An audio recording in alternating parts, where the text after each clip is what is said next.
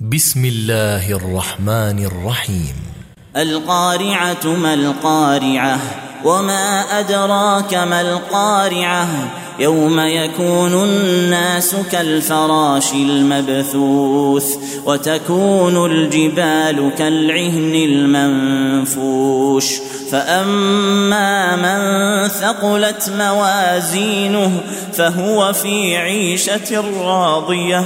وأما من خفت موازينه فأمه هاوية.